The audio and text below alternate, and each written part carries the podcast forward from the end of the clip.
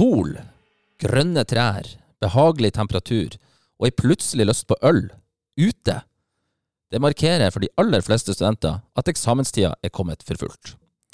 Nå skal det leses for å maksimere sine egne prestasjoner. Nå skal du endelig få betalt for all tidligere lesing og jobbing. Sol, varme, is og utepils, ja, det får bare vente. Men for hva? Hva er det du leser og jobber så hardt for? Jo, det er vel kanskje det som kommer etterpå. Det hvite, umalte lerretet som var hele grunnen til at du begynte å studere i det hele tatt. Arbeidslivet, voksenlivet, gift med to unger og en Volvo-livet. Eller kanskje noe helt annet. I dagens episode av Vallås Rømsnes så skal vi snakke om det som kommer etter studietida.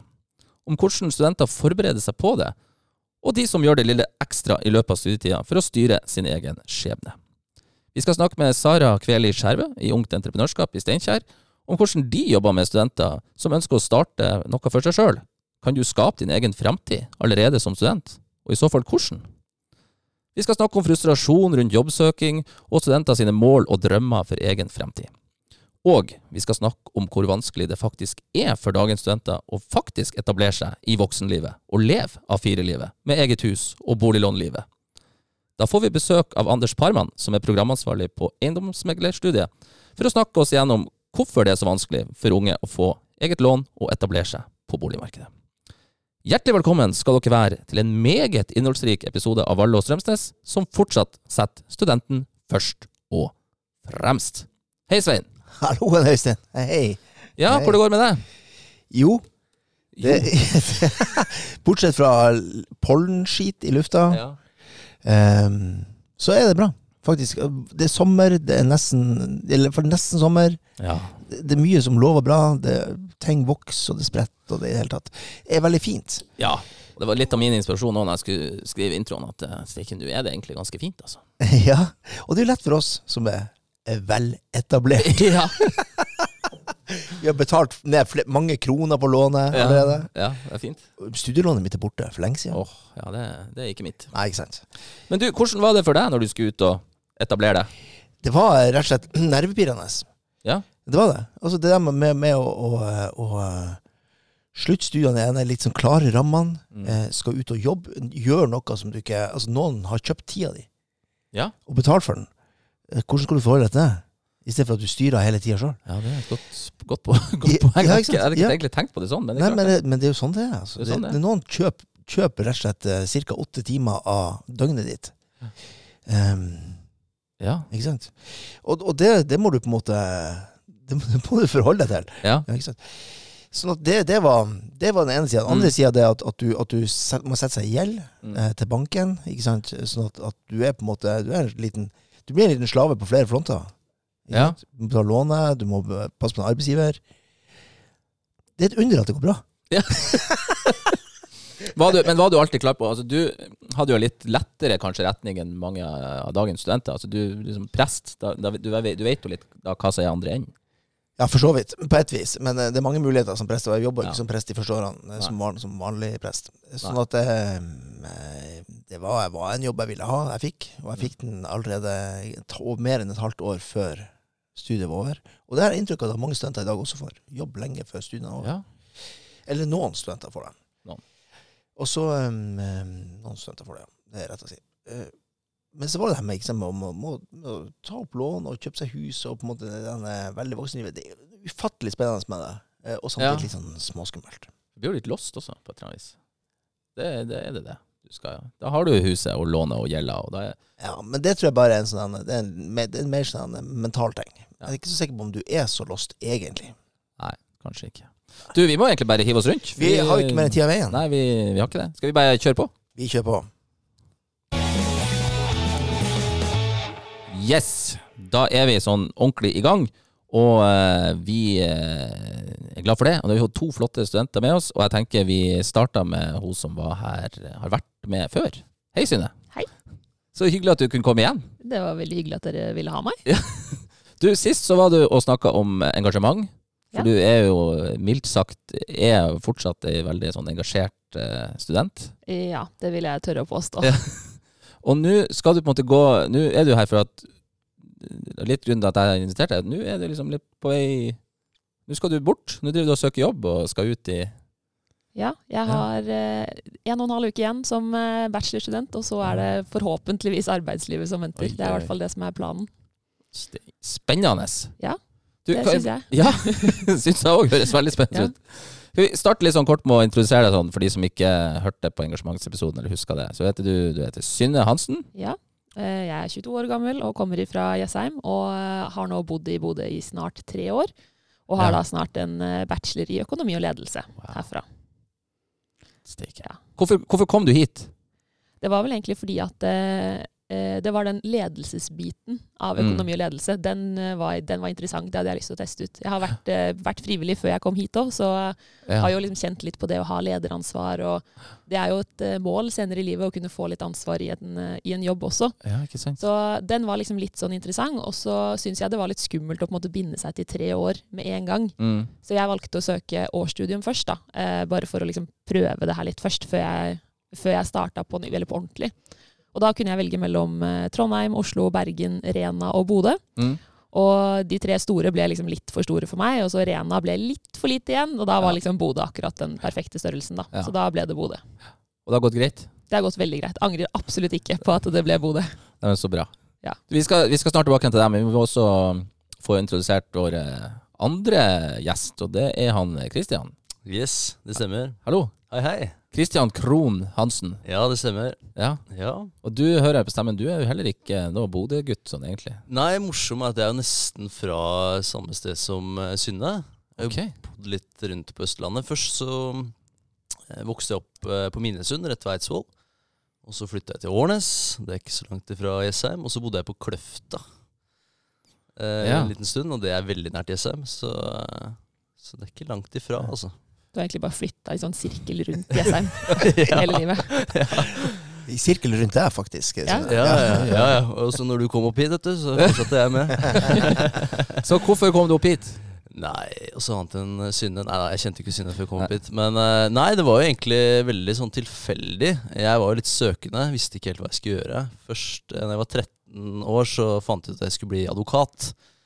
Så jeg trodde jo det da hele livet mitt, at det var liksom eh, mitt mål. Fikk alltid høre ja, men du er glad i å prate, Christian. For tjene litt penger på det. Ja. Men eh, så var jo ikke snittet helt der det skulle vært, da, i til å bli det. Så, så så var jeg en prat med en god kompis av faren min. Han er professor her oppe.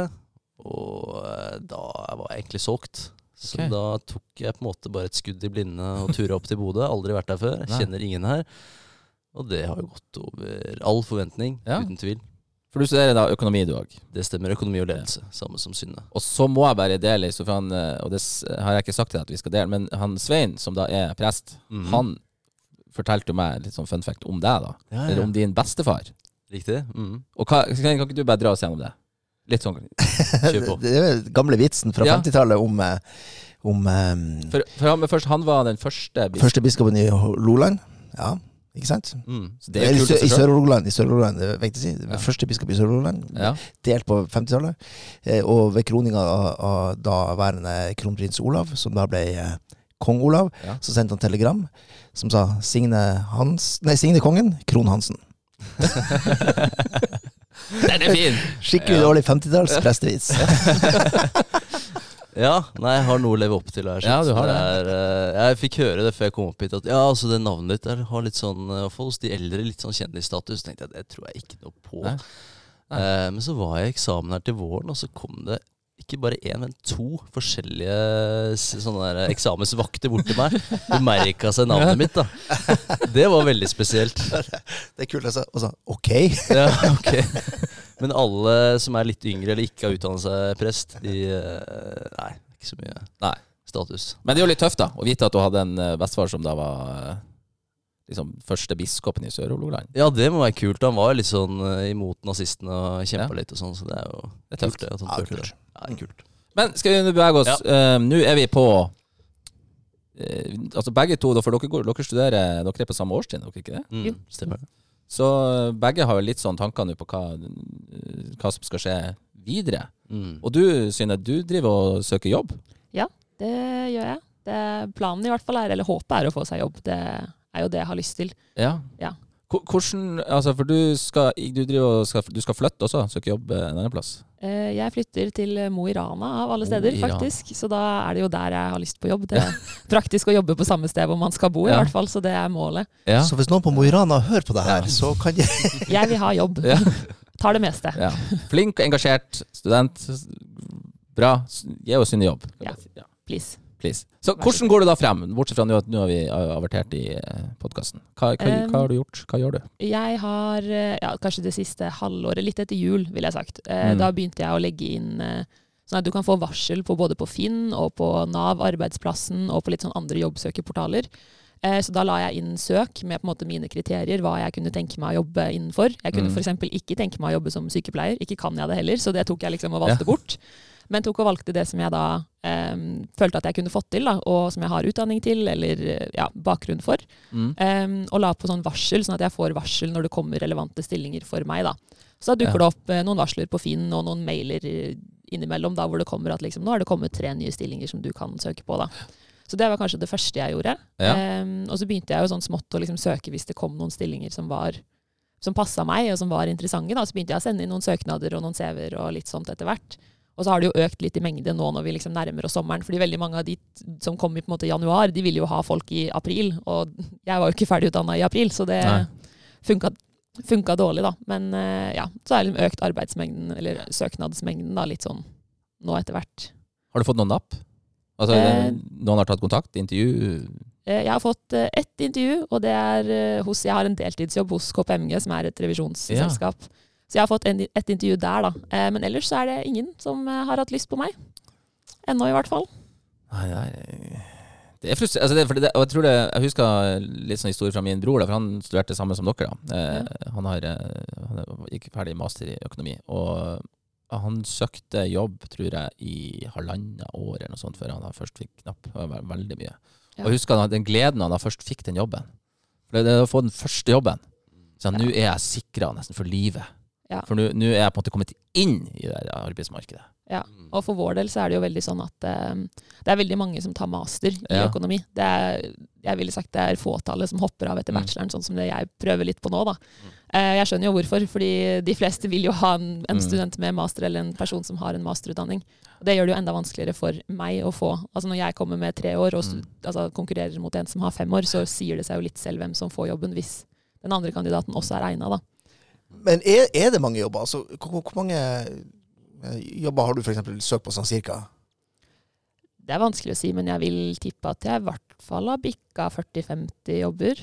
Noe sånt. Så jeg føler jo det er jo ikke sånn kjempemasse, det er det jo ikke, men det er en del. Det er mye, mye likevel, syns jeg. Det er mye, ja. Og man skulle jo, altså Man hører jo alltid at hvis man på en måte engasjerer seg, jobber ved siden av studiet, gjør det bra Ja. og sånne ting, så er det lett å få seg jobb. Men ja. det viser seg at det er ikke så lett Nei, allikevel. det er ikke- hva, er, hva, er, hva er drømmejobben? Hva er det liksom, hvis du skulle ha valgt fra øverste hylle? det tror jeg måtte vært eh, Jeg har liksom ikke en spesifikk jobb, men jeg syns jo det er veldig spennende å gjøre veldig mye Mm. forskjellig. Jeg syns det er gøy å holde på med litt av hvert. Så kanskje en jobb hvor man hadde på en måte ikke holdt på med det samme hver eneste dag, da, men gjort Mm. litt forskjellig. Kanskje noe, litt forskjellige prosjekter innenfor noe prosjektledelse, Mm. eller noe litt mer kreativt enn en, måte, en helt vanlig kontorjobb. Da. Men uh, veldig ofte så må du jo ha litt erfaring for å kunne få liksom, de kuleste jobbene. Så Ja. akkurat nå så er jo planen å få liksom, en jobb jeg syns er grei, og få litt erfaring og liksom, teste terrenget litt. Og så kan jeg på en måte bevege meg mot de jobbene som er kanskje mest Mm. spennende, da, når jeg har fått litt erfaring og fått prøvd meg litt.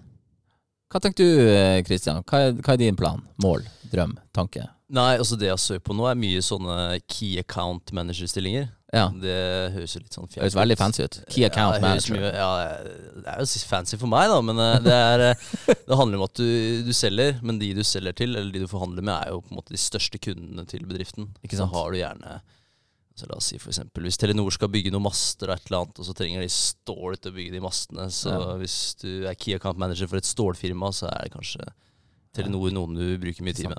Så det er det jeg egentlig har søkt eh, mest på. Men for, skal du også ut og søke nå, eller skal du ta master, eller hva er dine tanker? Altså Jeg liker jo å jobbe ved siden av. Ja. Eh, Jeg føler at det, da holder jeg meg litt sånn varm. Mm. Um, og jeg vil jo studere videre, absolutt. Uh, men jeg ser jo fordelen av å begynne å søke og kanskje komme seg inn i en litt mindre stilling. Mm. Ha noe på å si. Og jeg syns det er veldig gøy med salg. Det blir nesten som en sånn hobby for meg. Altså jeg driver, når jeg driver med det som eh, start for meg selv, så er jo det på en måte en del av de tingene du må på en måte gjøre uansett, hele tiden. Så ehm, Nei, så jeg har vært på noen jobbintervjuer. Jeg var nå for noen uker siden kom jeg til en sånn tredjegangsintervju med sånn caseløsing og alt mulig. Jeg ble veldig selvsikker, vet du. Da hadde jeg satt der hele natt og ringte, ringte en tidligere salgsdirektør og masse sånne ting. Og ringte og fikk masse gode tips, da, så jeg hadde jo på en måte den presentasjonen. Men eh, så var det dette med erfaring, da. Jeg tror jeg merker litt av det som Synne sier. At ja, ok, det høres bra ut, og ting er good, og det ser cleant ut. Men du, du har liksom ikke den, den tunge erfaringen da, for å bli key account manager. Og det skjønner jeg jo. Hvis jeg skulle ansette selv, så hadde jeg vært skeptisk, kanskje.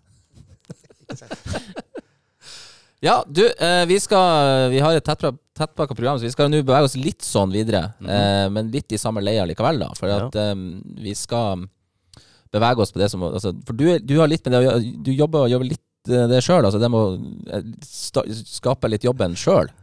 Jo da, det kan du si. Ja. Jeg og Roar, da. Vi, Du og Roar. Vi eier 50% hver av AS. ASM. Ja, hva heter? Hva Hemp dere- of Norway AS. Hemp of Norway. Hemp of Norway. Hemp of Norway. Ja. Ikke Hemp of Norway. Nei. Det er noe annet. Er det noe annet? Jeg tror det. Ok.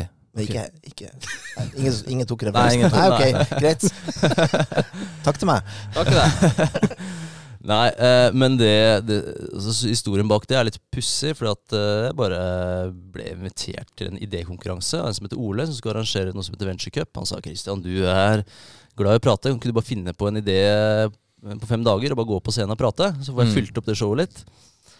Så jeg gjorde det, da. Så kom Roar, og så møttes vi på en workshop, og så skulle vi bare lage en sånn bærekraftig idé som er litt lønnsom, da. Så vi tenkte da lager vi sånne smartklokkereimer som skal være bærekraftige, laget av eh, hamp. For det bruker mindre vann, er bærekraftig og så videre. Så Ja. det er egentlig det.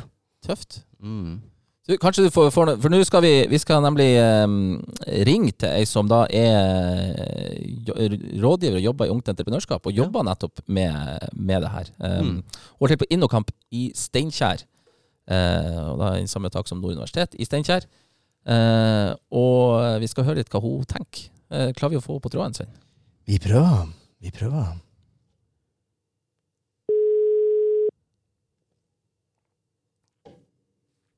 Sara. Hei sann, Sara. Det her er Øystein som ringer fra Valle og Strømsnes. God dag, god dag. God dag. Du er så hyggelig at du tar deg tida til å prate med oss. Ja, vi får se på det, da. Ja. Du, eh, jeg starta, jeg starta sånn, så smått med å eh, introdusere deg, at du er rådgiver i Ungt Entreprenørskap. Eh, Ja. Kan ikke du sånn kort fortelle oss hva er Ungt Entreprenørskap, og hva er det dere gjør? Det kan vi gjøre. Eh, nå med en gang. Ja. Ja. Eh, vi i Ungt Entreprenørskap vi mener jo kanskje at vi har eh, noen, en av den viktigste jobben eh, som, eh, som finnes akkurat nå eh, i Norge. Og det er jo at vi jobber for å utvikle barn og unges kreativitet, skaperglede og ikke minst trua på seg sjøl. Vi er en brobygger mellom skole og arbeidsliv. Vi har programmer som gjennomføres i nært samarbeid med det lokale arbeids- og næringsliv. Og på den måten så bygger vi da bro mellom teori og praksis, og vi bidrar til å øke kreativiteten og relevansen i læreprosessene. Eh, Så vi liker å kalle oss at vi er en brobygger mellom skole og arbeidsliv. Spennende. Der Og vi er- har jo programmer da fra grunnskole, høyere utdanning og det er innenfor entreprenørskap, jobbtrening og personlig økonomi. Du, har du noen eh, har du sikkert, men jeg vil utfordre deg likevel, om du har noen sånne eksempler på en bedrift som på en måte starta på et universitet, eh, gjerne hos oss, som da dere har vært med på, som du på en måte har lyktes i andre enden? Altså der dere kan liksom se et tydelig et eksempel? Vet du, vet du, der så har jeg veldig lite eh, eksempel, for at eh, vi har eh, alt, altfor lite eh, Ah, selskaper som er studentselskaper, særlig her eh, der jeg arbeider. Eh, så jeg tenker det er viktig at dette blir mer eh, kjent. Vi Mm. har eh, ekstremt mange ungdomsbedrifter i videregående. Og så har vi veldig, veldig lite studentbedrifter. ok, så det er faktisk en utfordring at studenter henger seg på og gjør og er med her. Ja, og det handler jo òg da om, om lærere og, og skolene. ikke sant? Altså for at Mm. eh, studentbedrift er jo noe, et, eh, noe som man kan gjøre i nesten alle fag. Mm. eh, og som er viktig i, i alle fag, tenker jeg. da. Jeg er helt enig. Du, så, men hvis vi da tar det litt sånn på scratch. Du har en student eh, som vil starte opp, altså, hvis- som går litt gjennom. Hva, hva, hva gjør du da? Altså, hva gjør den studenten her da for å komme i gang? Er det, er det her en idé som det er marked for?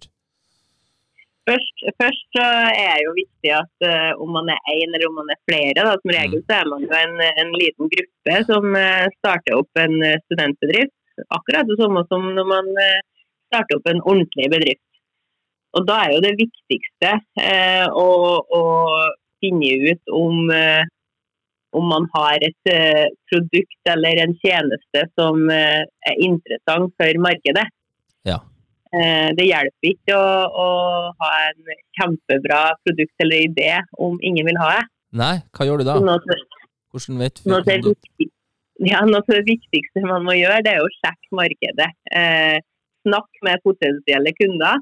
Og veldig ofte når jeg fer rundt til eh, elever eller studenter, så er det sånn OK, hva som er markedet, da? Og da er veldig ofte svaret alle.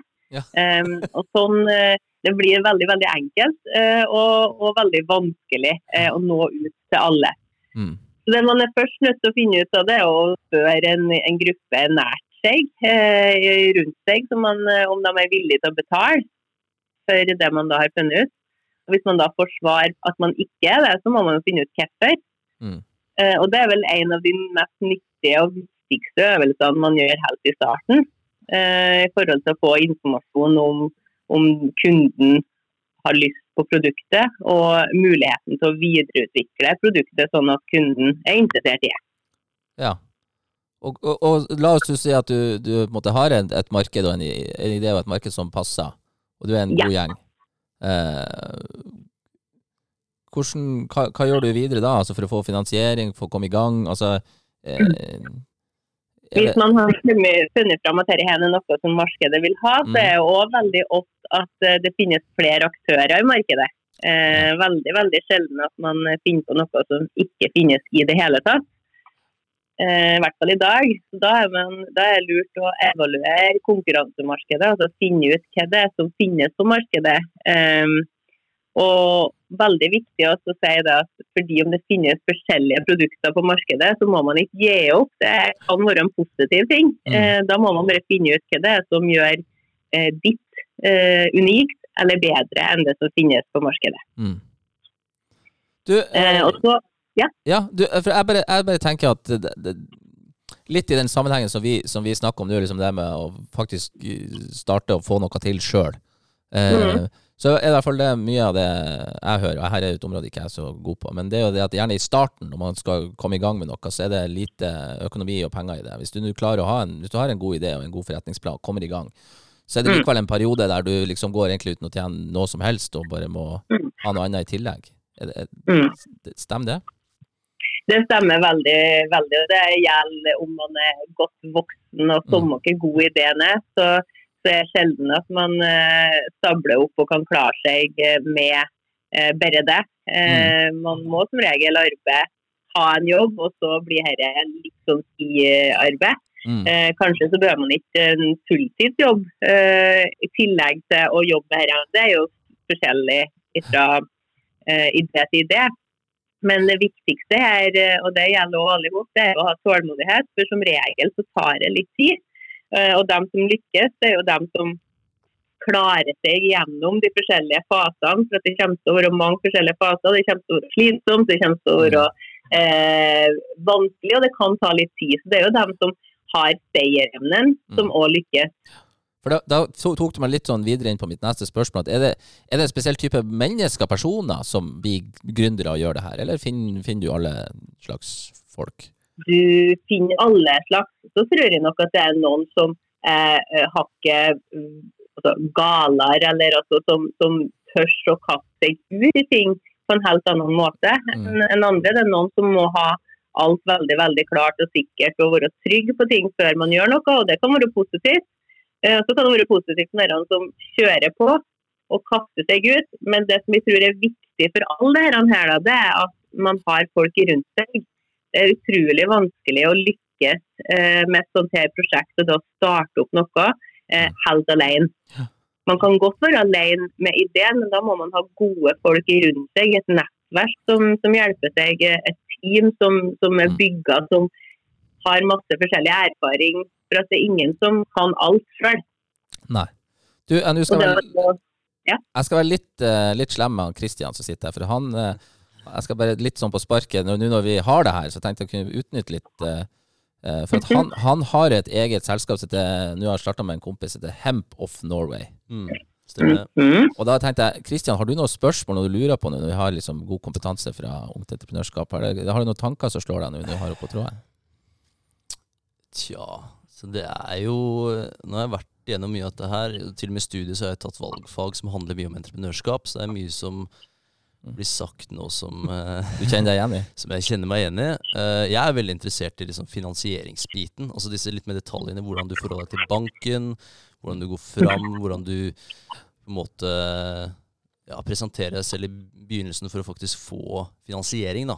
For jeg tror de fleste må ha på et eller annet punkt, med mindre du er født med veldig mye penger. da, Som du kan Ja. bruke på hva som helst. Så det er egentlig litt det. altså Hvordan du ville gått fram i forhold til Nå blir dette et bredt spørsmål, da, men finansiering, om du har noe som eh, som mm. Kanskje litt mer konkret, da, hva, hva man kan gjøre for å, for å øke den mengden, holdt på å si. Mm. Eh, jeg, skal være, jeg skal være litt sånn kjipt tilbake, kanskje. da, for Ja. Veldig ofte er det første eh, eh, folk tenker på når man skal starte opp en bedrift. og det første, Nå har jeg jobba fem år i, i førstelinjetjenester i Steinkjer kommune, altså Steinkjer næringsselskap, der vi tok imot folk i forhold til veiledning. og så Jeg har mye erfaring i forhold til, eh, til det å starte opp bedrifter, eller hjelpe folk til å starte opp bedrift. Eh, og veldig ofte så var det første spørsmålet eh, hvor kan vi få penger? Eh, og det, det jobba vi mye med for å få hodet til å forandre seg, for det er ikke der eh, gullet er. Men nå spørs det jo ikke langt du har kommet i forhold til bedrifter. da. For at er, Det er ganske mye man er nødt til å gjøre før man kan komme og begynne på å tenke hvordan finansiere. For at man får ikke til å finansiere, man får ikke til noe penger heller, eller får ikke ut penger noen plass, hvis ikke man har kommet veldig langt i forhold til forretningsplan og forretningsideen, og man har markedsavklaring. altså Det er masse masse ting som er nødt til å være klart før man kan begynne å tenke eh, penger. Men hvis man har gjort alt det, da, man har kommet dit at eh, nå, nå er man klar til å starte opp, og man trenger eh, midler, så er jo å prøve å finne ut hva noe som er rett for deg og selskapet. For at man lykkes ikke bare for å få inn penger. Eh, man kan faktisk starte opp bedrift uten å ha fått inn eh, penger fra noen som helst, og, og lykkes hvis man har et bra produkt. Men eh, man har jo bank, og man har investorer. Eh, og da gjelder jo, og er man en bra selger, så, så er det en fin vei å gå. Eh, men i Norge så er vi jo ekstremt heldige da, med at eh, man har eh, eh, førstelinjetjenester som vi fortalte om, som er til kommunen. Der man eh, veldig ofte har gratis veiledning, i hvert fall her i, Steinkjer, på Innocamp, der vi sitter nå eh, i Lamme Nord universitet.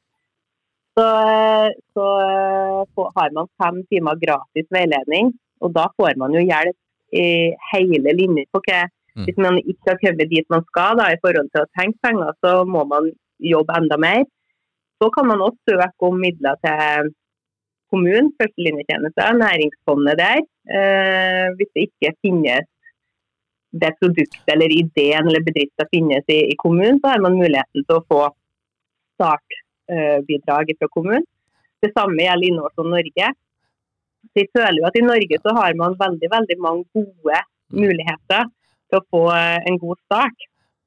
Hvis man har gjort jobben i forkant, men det er ingen som får midler verken av eh, investorer eller banker eller førstelinjetjenester hvis ikke man har gjort en god jobb. Da. Nei, og det er et godt poeng. Du, eh, sånn litt til slutt, hvis noen av oss som har hørt på sitter med at det her, nå har jeg lyst til å komme i gang eller å vite mer, eh, så har dere noe, kanskje noen nettsider eller noen måte å nå dere på? Eh, eh, Ja, eh, det er bare å gå inn på ungtentreprenørskap.no, så kommer dere til oss. Og så har vi jo fylkeslag over hele landet. Så er man i Trøndelag, så er meg man eh, kan ta kontakt med. Mm. Eh, og er man i andre fylker, så står det hvem det er som er ansvaret for, eh, for høyere utdanning der. Og jeg anbefaler jo å se på muligheten for studentbedrift, og utfordre òg eh, lærer og, og, muligheter til å se på det som et, en studiemulighet. Du, det, tusen hjertelig takk, Sara, for at du tok deg tid til å prate med oss. Det setter jeg veldig pris på. Det var så lite. Takk ja. sjøl. Så får du ha en fortsatt fin dag. Takk det samme. Ha det bra. Ha det. Ja. Yes. Du satt bare og lytta øret, Kristian, eller kjente du deg igjen i mye av det som ble ja, noe? Ja, men altså hva skal jeg si, Det som er med entreprenørskap, når man skal snakke om det, så blir det ofte veldig generelt. Altså, det er litt som å si sånn mm. Ja, hva er det du driver med? Nei, jeg studerer. Mm. Ja, det, det, kan være hva som helst, ikke sant. Ja. Altså, det, er så, det er så bredt. Så akkurat dette her med altså, hvordan man skal gå fram, hvilken fase man er på, hvilket stadie, det kommer helt an på produktet ja. og menneskene du har, og alt mulig. Altså, jeg, jeg, liker jo å snakke litt mer spesifikt om ting. Altså ja. liksom, ok, Hvilken bransje, hvilket produkt, hvilke folk har du med deg? Og så begynne å gi råd, da, kanskje. Hva tenker du, Synne, som sitter og Nå er det jobbsøker... Har liksom det å starte noe sjøl, starte opp noe sjøl, har det vært noe du har tenkt på? Ja, så Vi har jo alltid hatt uh, Hjemme hos mamma og pappa når vi ja. var små, så var det jo alltid den store diskusjonen hva er det vi kan finne på som skal gjøre oss rike. liksom. Det har jo alltid vært, uh, ja. Alle har vel vært innom den samtalen en eller annen gang. At liksom, ja. nå skal vi finne på noe lurt, og så skal vi tjent oss rike på det. liksom. Men uh, jeg vet ikke, jeg har bare aldri hatt noe idé. Jeg har jo tenkt på det. Jeg syns jo det er veldig gøy å finne på ting, og er jo mm. kreativ og trives jo med å gjøre noe nytt. Så det er jo ikke akkurat Det er jo ikke så fremmed sånn sett, men det er jo bare det at det har aldri hatt noe idé som har vært sånn pling, det skal jeg gjøre, liksom. Det har aldri kommet, så da har det bare ikke blitt sånn. Det kan man hadde funnet noe hvis man hadde på en måte lett mer etter det, men det har ikke kommet noe naturlig, i hvert fall. Nei, jeg tenker jo at, eh, og det, er kanskje litt også der som du også sier, Kristian, når, når, ting blir litt mer spesifikt, når man kommer dypere inn på et eller annet område, og som, ja, selger, du sa nevnte selg og stål, altså er du i stålbransjen, og der, der, du jobber med det, eller det, og så finner du kanskje et, et rom eller et innsmett akkurat der, det her finnes det kanskje et mulighetsrom. Mm, mm. Ikke så er det kanskje litt vanskelig å bare Eh, finne oss sjøl. Ja, og så tenker jeg sånn generelt Det jeg på en måte har opplevd gjennom prosessen, så er at det handler ikke så fryktelig mye om ideen. Den kan være veldig fin, den, altså. Men det handler veldig mye om gjennomføringsevne. Altså, ja. Klarer du å gjennomføre, klarer du å hoppe ut i ting, klarer du å få med deg folk som bare gutser på, klarer å selge det inn, og så få ting til å skje. Ja, der tror jeg jo Akkurat det der tror jeg du er et poeng, for at vi er jo forskjellige. Ikke mm. sant? Mm. Jeg syns jo egentlig sjøl at jeg har hatt masse gode ideer. Men jeg, altså, jeg evner jo ikke å ta det fra, fra, fra liksom en idé til, å, til å, å, lage et ferdig produkt. Ikke mm. minst det der, altså få til den der ikke sant? Det ser jeg en del av de unge som gjør. altså Får ting laga, laga i utlandet, og mm. skaffa kontakter, og reise av gårde, og ja. bruke opp alle konfirmasjonspengene sine, og, og låne litt penger hos besteforeldrene. Og så Altså, og, og, tar den sjansen det er, både, mm. både, økonomisk, men også sosialt. Altså, en, du tar jo på en måte en slags sånn sosial risiko. Um, for å si det sånn, altså, Du kan snakke om å ha eksamensangst, men, men gründerangst ja. det tror jeg virkelig er noe vi kanskje burde begynne, begynne, burde begynne å snakke om, og, og, og kanskje ja, forholde oss til. Mm. Nei, helt, uh, helt, klart. Og jeg tenker også sånn Det å faktisk hoppe i det, mm. det å bare altså, gjøre det, det mm. syns jeg er du kan ha som Svein sier, en god idé eller en tanke, men det å faktisk bare kjøre på Det Altså Jeg har òg hatt sånn Å, det der hadde jeg trengt, altså. Og det her kunne jeg hatt behov for. Men mm. eh, ja, det, det, det, er noe med å gjøre det. Ja, altså det, det fort er liksom Ok, ikke bare det jeg har behov for, men ok, hvordan kan jeg gjennomføre dette her? Har jeg kapital, har jeg midler, har jeg folk, har jeg tid? Mm. Ikke minst tid. Tid er jo liksom alt. Det, er ja, det, vi, det, det, kan du liksom ikke alltid kjøpe heller. Så det, det er liksom klisjé å si det, men det er virkelig tid som er uh, faktoren. Ja, og der var vi litt inne sist når vi prata, Synne. Nettopp at du er sånn engasjert student, og du har fått tid til å strekke inn og gjøre. Altså. Ja. Og vi var litt innom det at det er viktig å være engasjert og gjøre sånne ting, for det skal være på CV-en etterpå, og det skal du vise at du alltid har tid og kapasitet til. Ja. Men det er ikke alt. Det, det er ikke nok. Nei, og så skal du på en måte Du, du skulle da ha noe egen bedrift også oppi der? Da hadde jeg blitt Ja, tydeligvis. Det, det er visst det man må, så ja. Ja. Nei, vi, eh, jeg syns det her er spennende, men jeg tenker at det er ikke Jeg har kjemperespekt for de som klarer å skape noe sjøl, mm. men det er ikke gitt at man Altså, det får det til, da. Det Nei. Men eh, nå tenker jeg vi skal ha um, gå videre. Og bevege oss over til der når du har kommet ut i jobb, og så skal du ha plass å bo. Du skal etablere deg. Altså Jeg snakka i stad i introen om det med A4-livet og huslånlivet og i det hele tatt. Det krever jo at altså det, det er jo noe å starte for seg sjøl av voksen. Eh, og da er vi så heldige at vi har fått med oss i Akkurat nå satte han seg. Ja. Hei, God dagen. god dag. Han Anders Parman.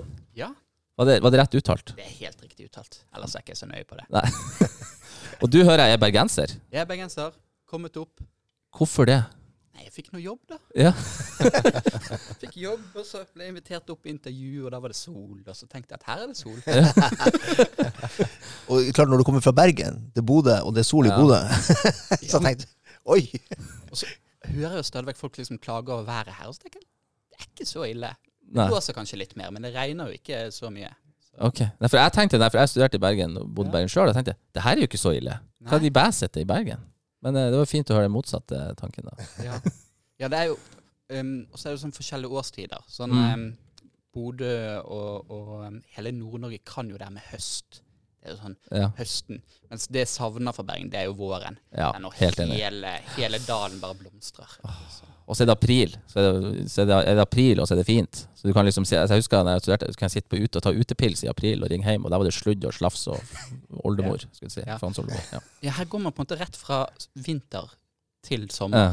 Det er liksom ikke det mellomstadiet. Nei, ikke sant. Du, vi, vi må starte med å introdusere deg ordentlig. Du heter Ja. Anders Parman, og du er du jobber på Er det pro- studieprogramansvarlig på eiendomsmegling? Jeg er studieprogrammansvarlig på eiendomsmegling Ja. og underviser eh, i eh, ulike juridiske fag Ja. på eiendomsmegling. For du er jurist i bunn. Jeg er jurist. Så jurist, og så forsker jeg på, um, på eiendom. Egentlig, hva er eiendom? Hvorfor har vi eiendom? Hvordan oppstår eiendom? Wow. Sånn at det, um, Mitt forrige forskningsprosjekt handlet om hvem er det som har lov til å plukke ting i naturen? Hva hva har du lov til å plukke? Så Utrolig spennende. Se, her, kunne vi, her hadde vi en egen podkast. ja, det har vært Hva har du lov å utrolig plukke i naturen? Ja, men det var utrolig spennende. Ja. Det er masse konflikter, spesielt her oppe i nord. er jo Molter en Ja, sånn Ja. gjenganger som kommer. Jeg tror at Det der kunne vi prate mye om, men det kan vi ikke nå. Så vi må bare smale oss inn igjen. For da er vi på eiendom, og hva er eiendom? Og det vi snakker om nå Nå har vi snakka uh, Før du kom, så har vi snakka om det å finne seg jobb og være på jobbsøking. Altså Temaet for episoden er å etablere seg. Har snakka nå rett før du kom om å kanskje finne jobb sjøl og gründer og sånn. Men la oss si at du nå er, er du ferdig, du får deg en ny jobb, og du skal måtte flytte til en ny by, eller du skal etablere deg sjøl. det er ikke så Da er mitt inntrykk det er ikke så lett som ny student Nei. når du er ferdig. Og boligmarkedet i dag er jo veldig, veldig hardt. Ja. Og det virker jo som det har vært de siste årene, at det bare blir hardere og hardere. Det har vært eh, gjennomsnittlig på landsnivå så har det vært en økning på 10% i året de siste, siste, siste, siste årene. Mm. Det gjør jo at det, det er en stige som blir trukket opp, og så blir den bare trukket opp høyere og høyere. Så det gjelder å på en måte komme seg inn så fort som mulig på mange måter. Ja, og da, så boligmarkedet som dagens studenter skal inn i, det er i hvert fall mitt inntrykk at det er et ganske umulighet. Det, ja. det, det viktigste hvis du skal inn på boligmarkedet i dag, det er jo egentlig at enten bør du ha god støtte hjemmefra, eller så bør du være innenfor allerede. Ja. For det, det er nesten gått som en sånn farsott. Altså når du, du deler sånne, Avisene er jo veldig flinke å dele sånne artikler. At 'Å, jeg fikk det til, og jeg klarte drømmen, og jeg fikk meg egen bolig.' Og så Ja. har alle de artiklene en sånn liten notis om at 'fikk hjelp fra foreldrene'. Det, det er stort sett alltid det. Fikk hjelp fra foreldrene, eller så må du ha vært veldig gnien mens du studerer, og har brukt mesteparten av tiden din på å spare. Ja. Og det er jo heller ikke noe liv. Man skal jo leve mens man studerer også, ikke bare sitte og gnukke på pengene. Nei. Hva tenkte du om det her, Kristian? Du er jo prima eksempel. Sunn, norsk, eh, flink ungdom.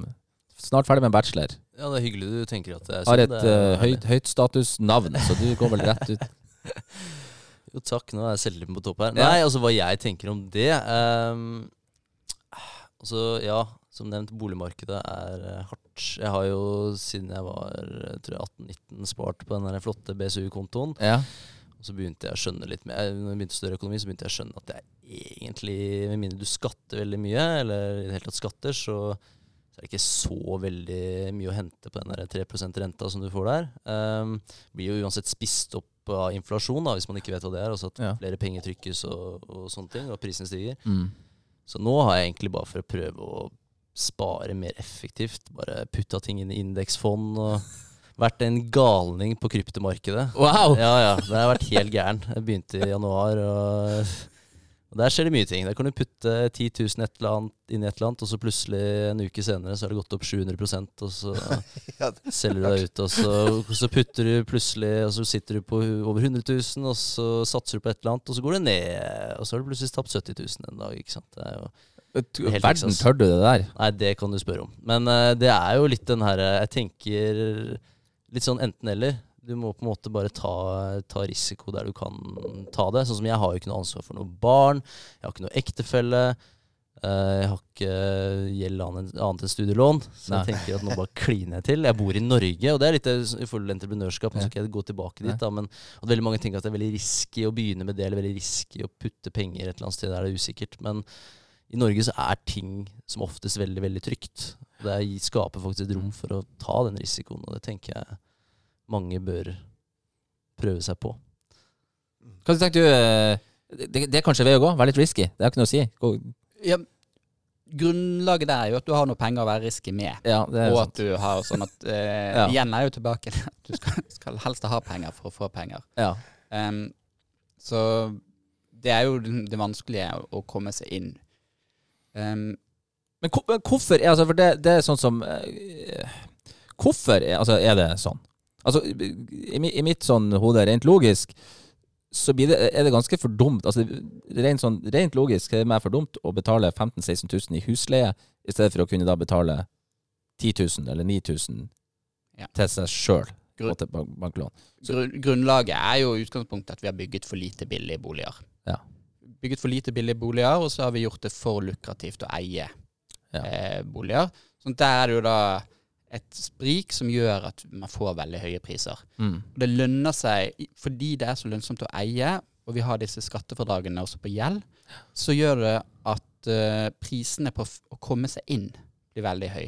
Sånn at Hvis man ser på boligmarkedet i dag, så er det Mm. ganske høye priser på å få veldig lav standard. Mm. Og så er ikke det så mye høyere priser for å øke til neste steg igjen. Nei. Så hvis man først kommer seg inn, så, så er ikke det så ille å, å, å gå videre på stigen. Det er det som kommer seg først opp. Første trappetrinnet. Nei, ikke sant? For det, det øker jo år for år. Noen jeg kjenner, eh, solgte akkurat en leilighet, og det gikk jo masse opp på ett år, da. Jeg Ja. eide den i et år. Ikke sant? Mm. Ja, ta for eksempel, når jeg flyttet hit til Bodø i 2018, så kjøpte jeg leiligheten min. Da kjøpte jeg den for, eh, for eh, litt under to millioner. Naboleiligheten som er helt lik, den gikk for tre millioner nå. Ikke sant? Så det, Ikke på lange tida heller, vet du. det, det er jo ganske dramatisk. Da begynner du å, å tjene ganske mye bare på å ha tatt opp det lånet. Mm. Så, Men, men er det da også drivende da for å si, andre ting i samfunnet? Da? Det vil si at, at studenter som går ut i dag, f.eks. kan forvente en betydelig høyere lønn enn de som gikk ut for fem år siden? Er det en sammenheng der òg? nei, der er jo ikke en like stor sammenheng. Så pris, peng, det vi bruker på bolig, går jo opp. Så vi bruker mer og mer på å komme oss inn på boligmarkedet. Men det er jo den her leiefælen, fordi leieprisene er jo veldig, veldig høye. Og i og med at vi har eh, skattefradrag i dag, det kan hende at det går ned etter hvert, skattefradraget på, på renteutgifter, så er det veldig lønnsomt å ta opp det lånet Mm. og, og, og leie. Så vi, nei, og eie. Men så vet vi jo ikke om eiendomsprisene kommer til å fortsette med samme prisvekst som vi har hatt.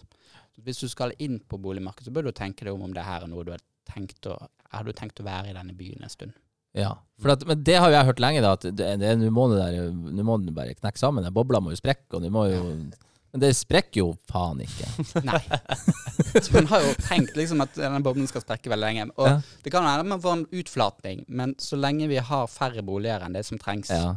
eh, så eh, vil du alltid være et høyt eh, Og så får du gjerne den, den, den onde sirkelen, tenker jeg da. Du, for de som gjerne har råd, og pga. at det er så lukrativt å eie, så har du jo de, de som da gjerne er 50-60 og har etablert bolig, og så går de altså Jeg vet jo eksempler av at så går vi i lag og så kjøper vi ei, ei leilighet, og så leier vi ut til studenter. Leier ut til andre.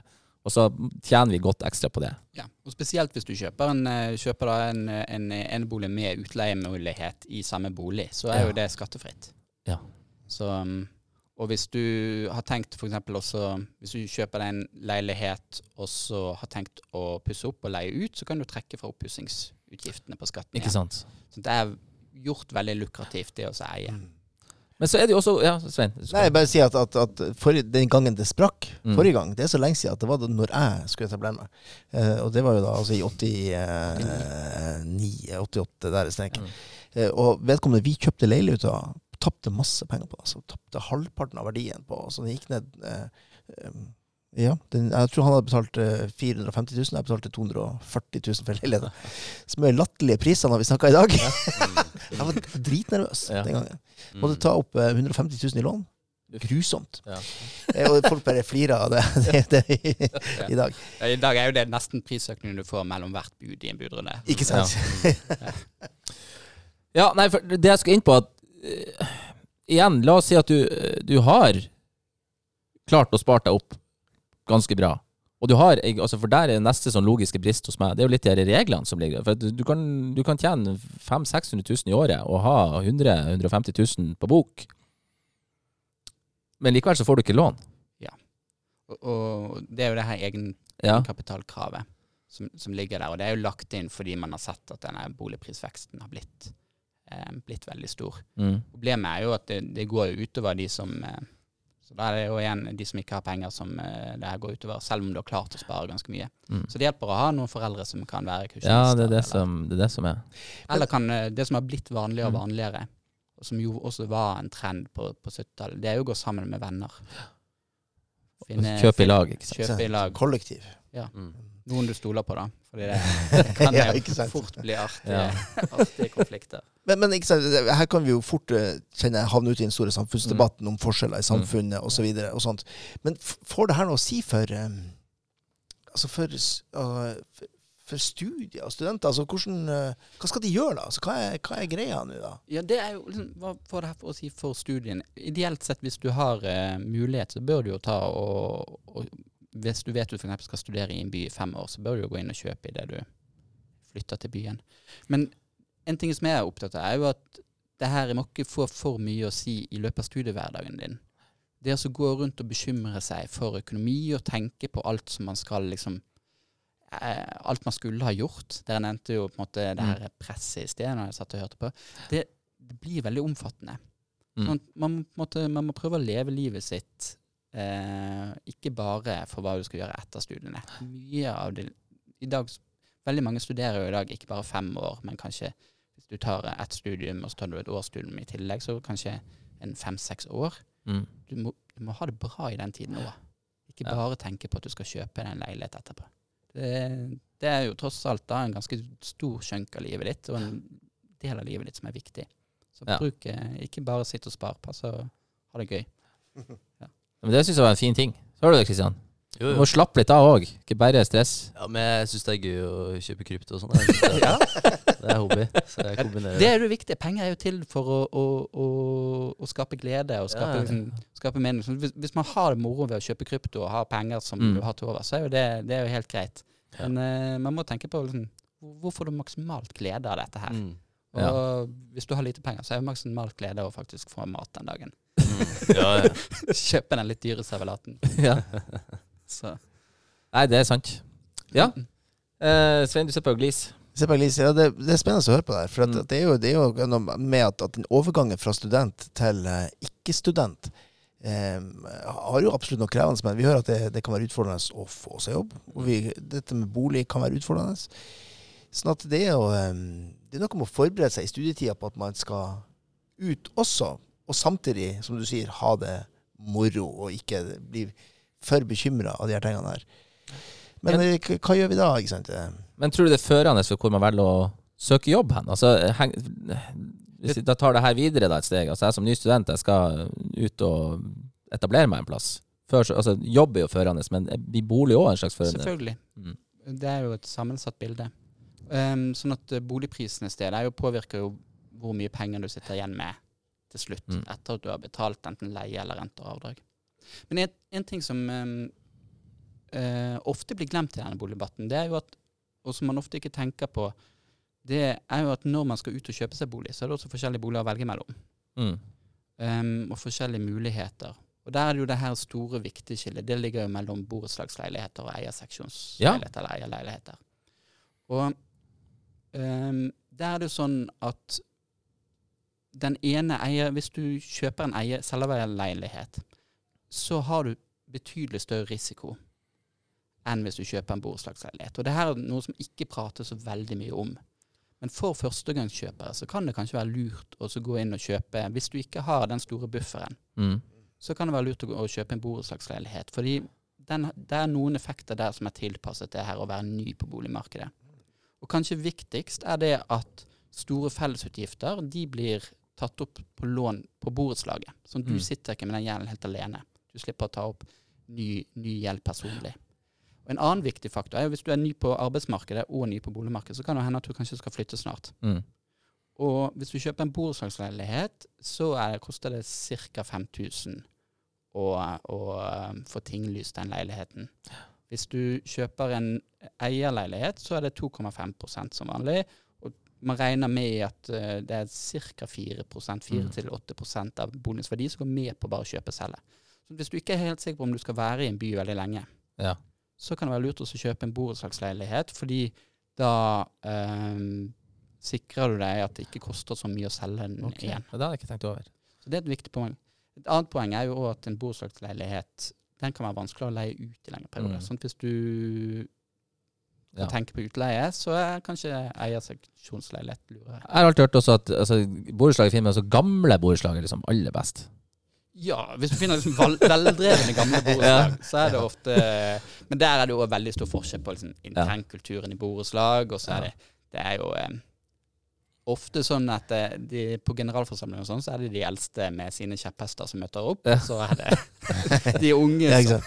Det skal ikke være noe forandring her. Vi skal ikke pusse opp her, nei. nei ikke sant? Men hva, eh, hvis vi nærmer oss litt slutten, men hva gjør du da? Altså, Det er jo et kjempevanskelig spørsmål, men hva gjør du da som ny, ny student? Du er ferdig og skal ut og For De fleste må bare da ta til takke med at jeg må bare leie. Ja, hvis du, hvis du ikke har penger, så er jo det du må gjøre. Ja, det er ikke noe, det er ikke noe, du har ikke noe triks på lager. Nei, ikke, ikke noen magisk løsning. Jeg skulle, jeg skulle gjerne hatt en magisk løsning. Ja. Men, men det er jo eh, Hvis man ikke har pengene, så Mm. eh, må man begynne å spare. Prøve Ja. å finne seg et billig sted å, å, Ja, å leie. Så er det mye lettere å spare. Det oppdaget jeg da jeg fikk fast jobb. Mye lettere å spare når du har eh, Når du tikker inn penger hver måned uansett. Ja. Ja, ikke sant? Som jo da er en kjempestor forskjell, for det må vi jo ikke glemme, at, at det er jo noe med det virkelig positive med å, begynne å jobbe og ikke være student. Ja. Det er jo at det tikker inn en ikke helt ubetydelig sum hver måned. Ja. I hvert fall hvis du har eh, Hvis man har tatt seg en utdannelse, så er det jo fort eh, ja. relativt godt betalt. Ja. Men de blir fort brukt, de òg. Ja, de blir, de blir fort brukt, de òg. Jeg, jeg husker, jeg husker eh, sommeren før jeg sluttet å studere. Ja. eh, jobbet jeg som vaskehjelp. Vasket hele sommeren. Sto opp kry til og vasket. Tjente 15 000 i løpet av den sommeren. Neste, neste sommer etter at jeg begynte å jobbe, så tok jeg på meg en sånn ekstra oppgave med å være, være sensor, fikk 30 000 i løpet av en uke. Det er forskjell. Tenkte tilbake til sommeren jeg hadde brukt opp på ikke sant? På vask. Moral, moralen er rett og slett altså, skaff seg en Ja. utdannelse. Ja. det hjelper også på sommerjobben. Og Da har du mer å bruke på den kryptovalutagamblinga kryptovaluta-gamblinga di. Ja, ja, ja. ja, det er jo ren gambling. Ja. Jeg aner ikke hva jeg driver med. Sånn det er. Ikke sant?